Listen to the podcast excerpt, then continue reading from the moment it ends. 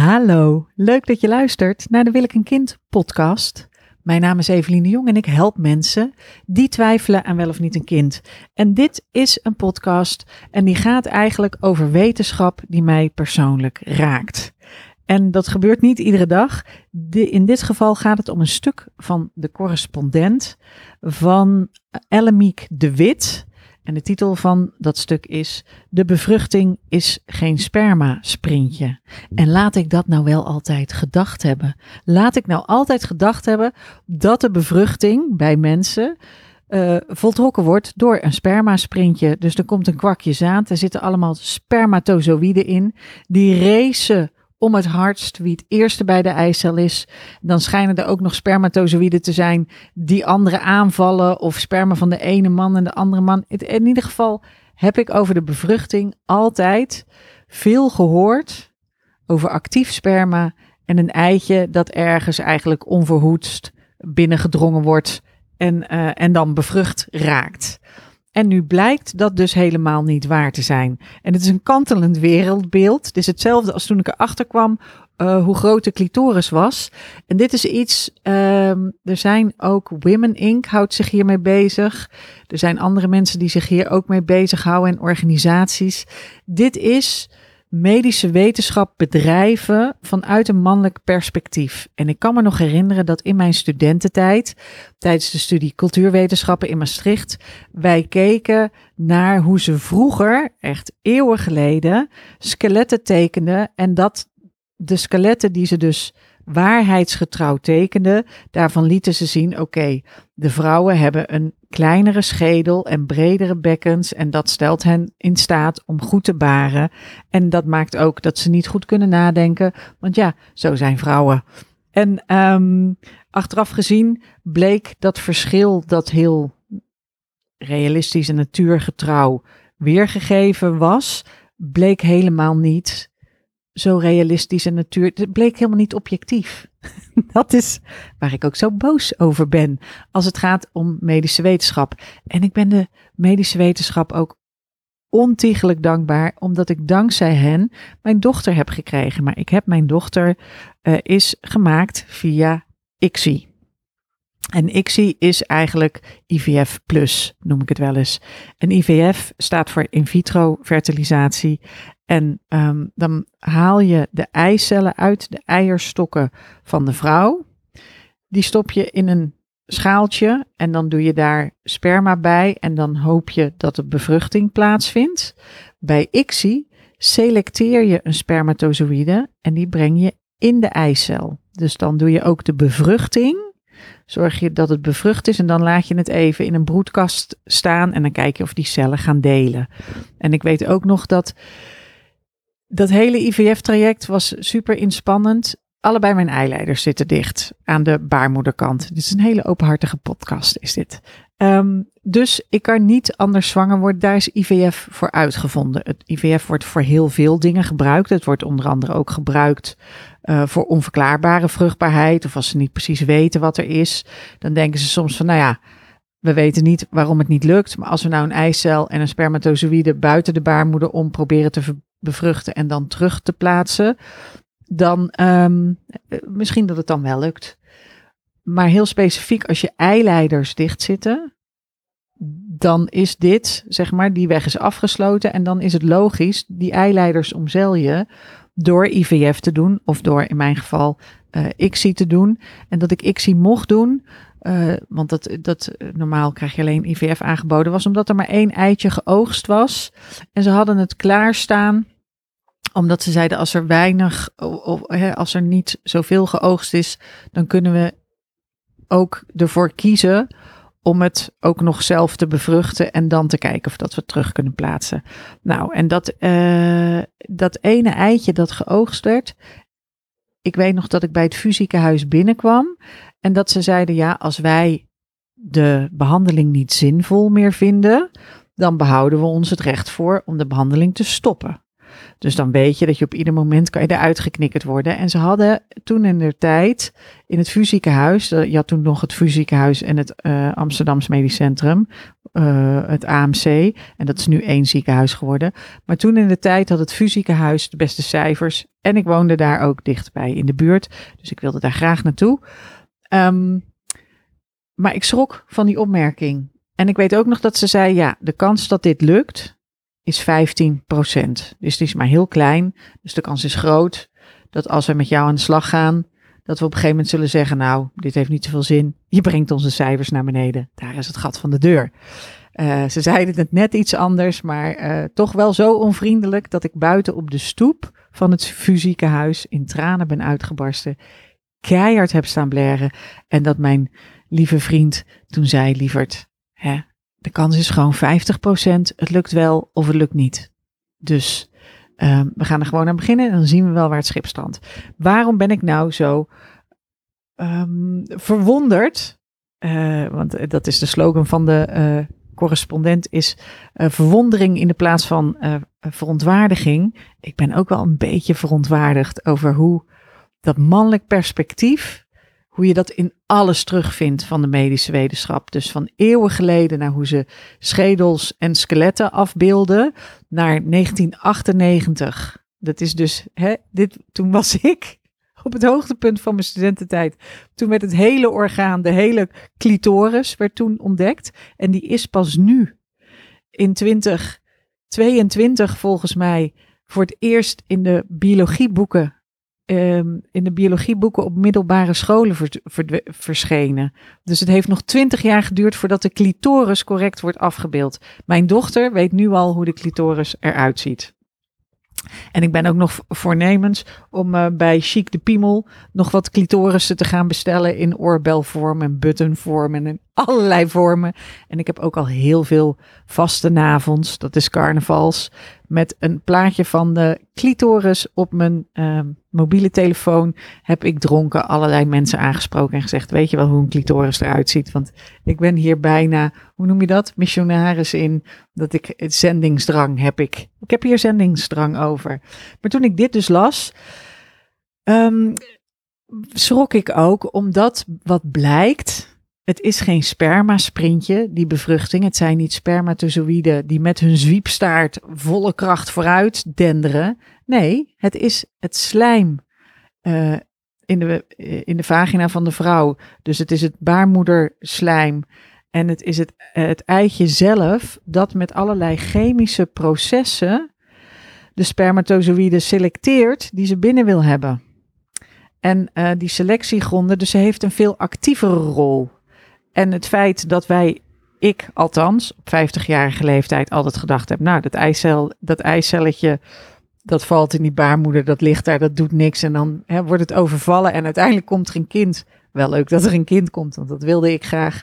Maar daar heeft de vrouw verder niet zoveel in te brengen. Dat is dus wederom gewoon een volkomen mannelijk perspectief, waardoor ze niet eens bewust, maar waardoor de verhalen verteld worden die steeds groter worden. En op een gegeven moment denkt iedereen dat het zo is.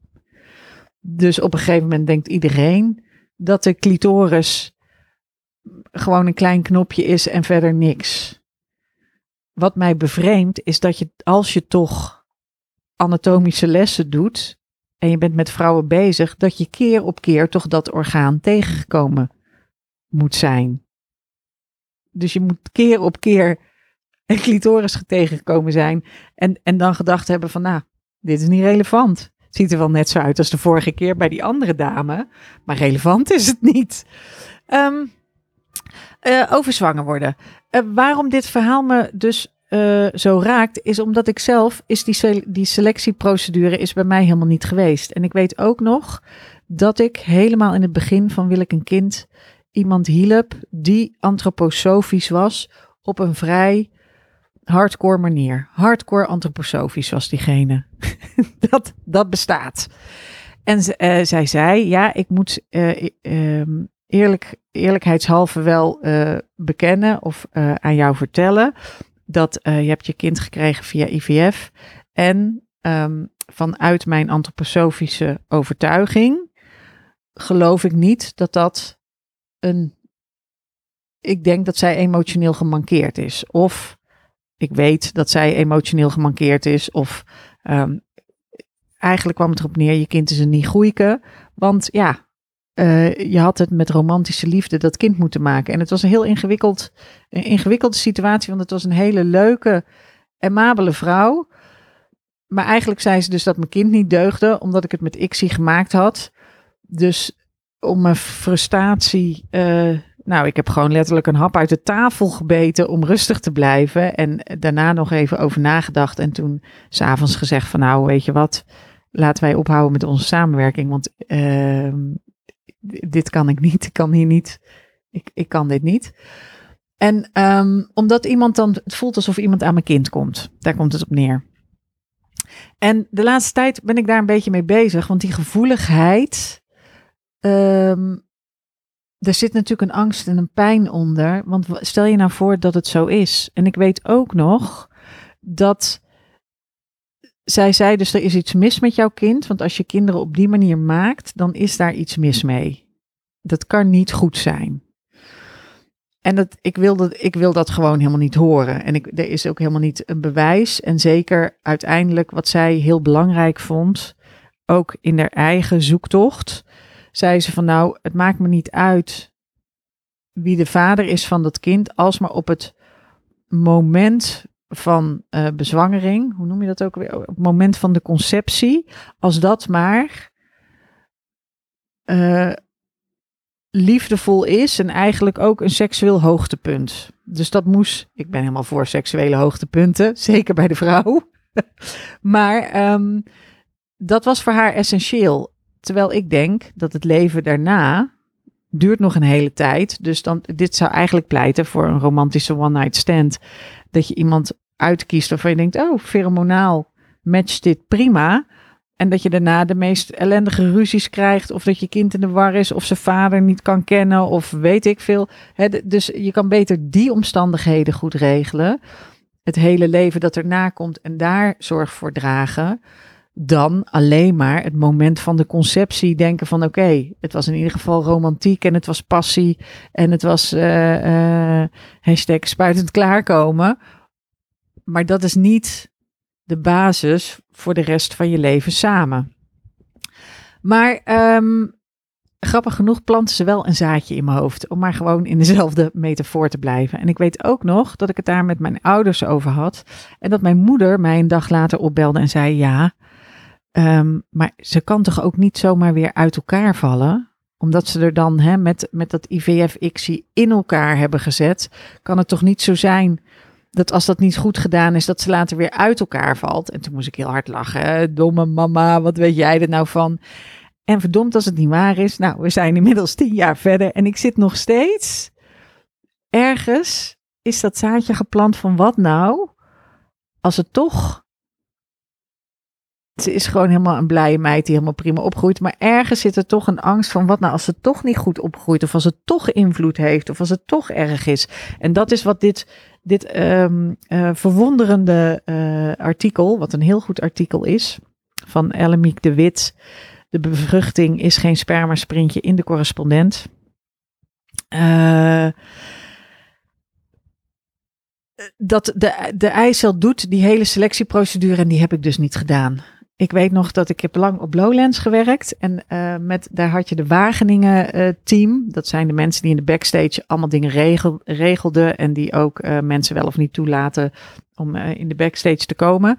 En nou ja, in Wageningen waren ook veel um, wetenschappers. En um, een van die jongens zei toen van, oh wat grappig dat je kind met ICSI gemaakt is. Ik heb dat apparaatje eh, eh, mee ontworpen waarmee je de spermatozoïden selecteert. Dus dat was heel grappig om daar in de backstage iemand te ontmoeten die daar een bijdrage aan had geleverd. Maar um, die spermatozoïden in werkelijkheid, hè, is de strekking van het verhaal in de correspondent, hebben ze helemaal niet. Zijn het geen harpoenetjes? Zijn het geen speren die daarop afspurten en die daar met hun zwiepstaartjes uh, keihard op inbeuken en dan uh, daarbij in de buurt komen. Want het blijkt dat die zwiepstaartjes helemaal niet zo sterk zijn.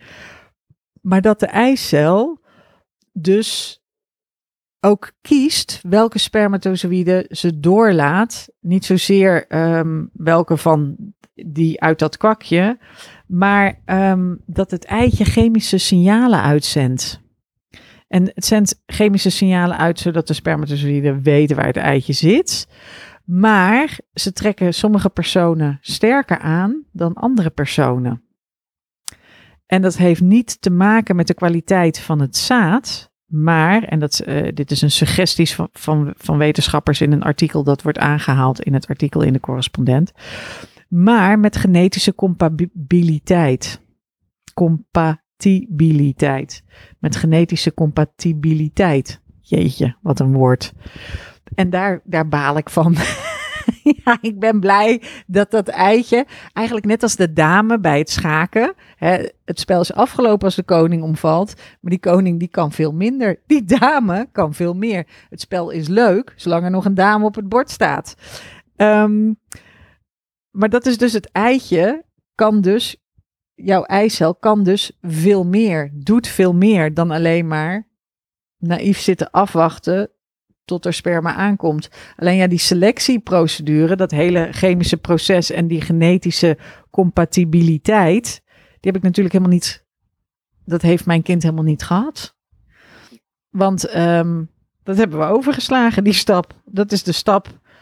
En dat slijm, dat zat ook niet in dat glazen schaaltje. Ik mag er veronderstellen dat dat een heel hygiënisch uh, schoongemaakt, noem je dat, steriel, een steriel glazen schaaltje was het.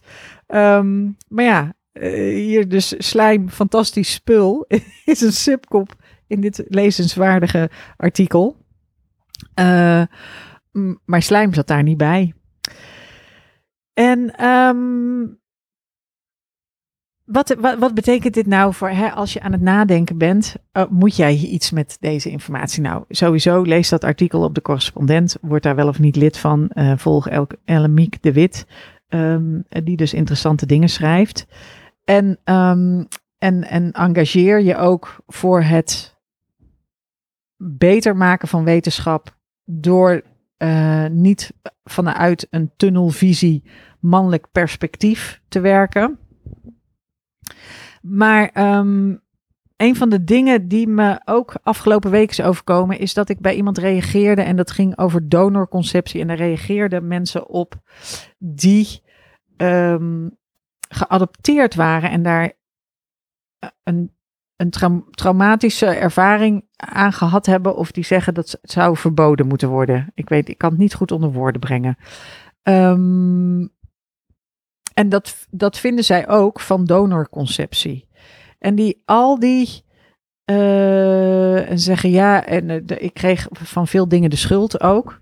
Omdat ik zeg, alternatieve gezinsvormen zijn best aardig. Ik lees net ook een heel leuk stuk van Arjen Edeveen in Volkskrant Magazine. Waarin die hele ware dingen zegt over niet hoeven samenwonen. En over af en toe jezelf uh, afzonderen en even op jezelf zijn. En, um, maar deze dames die waren zeer uh, hartstochtelijk. Waren ze de advocaat van gewoon de biologische getrouwde ouders die kinderen opvoeden. En dat is eigenlijk een beeld waar ik tegen ageer.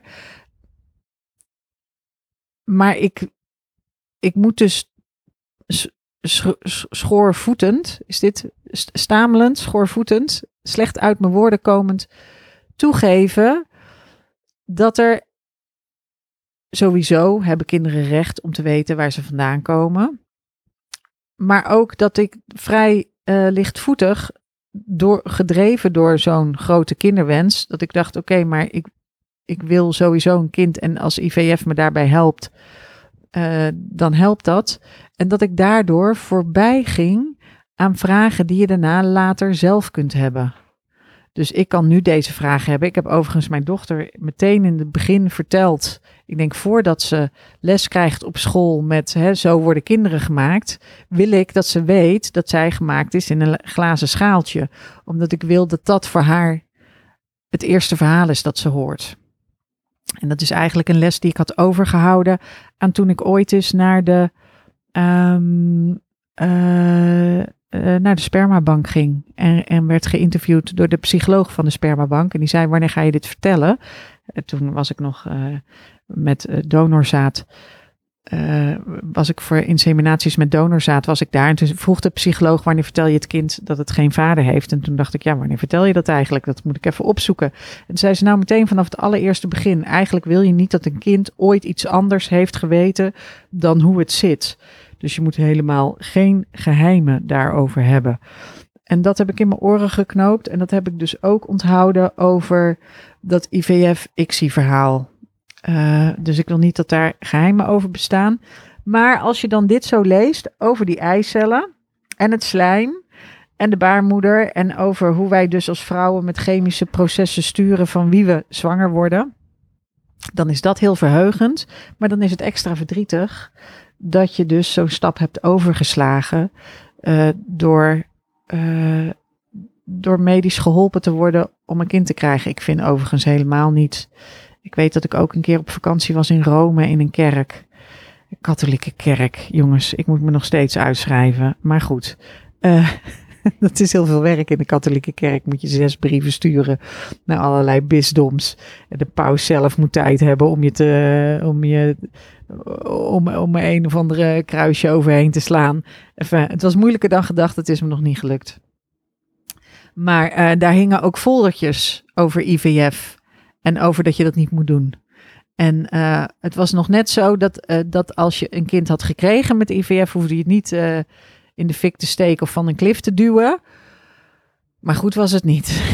dus ja, ik ben dan in eerste instantie verontwaardigd. Maar nu ik dus dit artikel ook lees in de correspondent, ik weet dat er ergens ook verwondering zit. En er zit dus ook pijn en verdriet, omdat het niet op de gewone manier gelukt is. En omdat ik dus iets geks heb gedaan en ik weet niet precies waar daar de wat daar de invloed van is. En dit soort vragen, um, het is dus belangrijk dat je daar niet lichtzinnig overheen gaat. Wat ik van nature wel doe, want dan denk ik, ja, dit is pijnlijk en moeilijk en er is ook niet een oplossing voor. Dus ik heb geen oplossing. Ook niet in deze podcast. Er is geen oplossing. Maar, um, god, dit ken ik ergens van. Dit ken ik uit Griekse tragedies, geloof ik. Is dit, um, uh, is dat Antigone? Of wie is dat dan? Die, die, die um, een of andere Griek stuurt schepen de zee op. Want hij moet of zijn dochter offeren. Of de wind zal niet draai, uh, draaien. Het is heel, nou klinkt het als een heel vaag uh, verhaal. Maar um, uh, dus hij moet, een, hij moet een offer brengen. En het maakt eigenlijk niet uit wat hij doet. Want in allebei de gevallen leidt hij een groot verlies. En dan doet hij het op zich het juiste, maar zeggen de goden dan: je krijgt toch straf, want je deed het te lichtzinnig. nou, en dat vond ik op zich. Het is goed om daar zelf misschien al eens over na te denken en ook al eens verdriet over te hebben. Ook als je erover denkt om solomoeder te worden, net zoals wat ik deed. Want sommige kinderen hebben daar echt problemen mee. Dat ze niet weten waar ze vandaan komen. En het kan best zijn dat jij zegt: ja, voor mij is het niet problematisch en ik ben niet een type dat daar last van heeft. Maar je weet niet wat voor kind je krijgt. Want je kind hoeft helemaal niet per se op jou te lijken. En ik vind het nogmaals geen reden om het, om het niet te doen. Maar het is goed om er van tevoren stil bij te staan. En misschien ook al wel verdrietig over te zijn.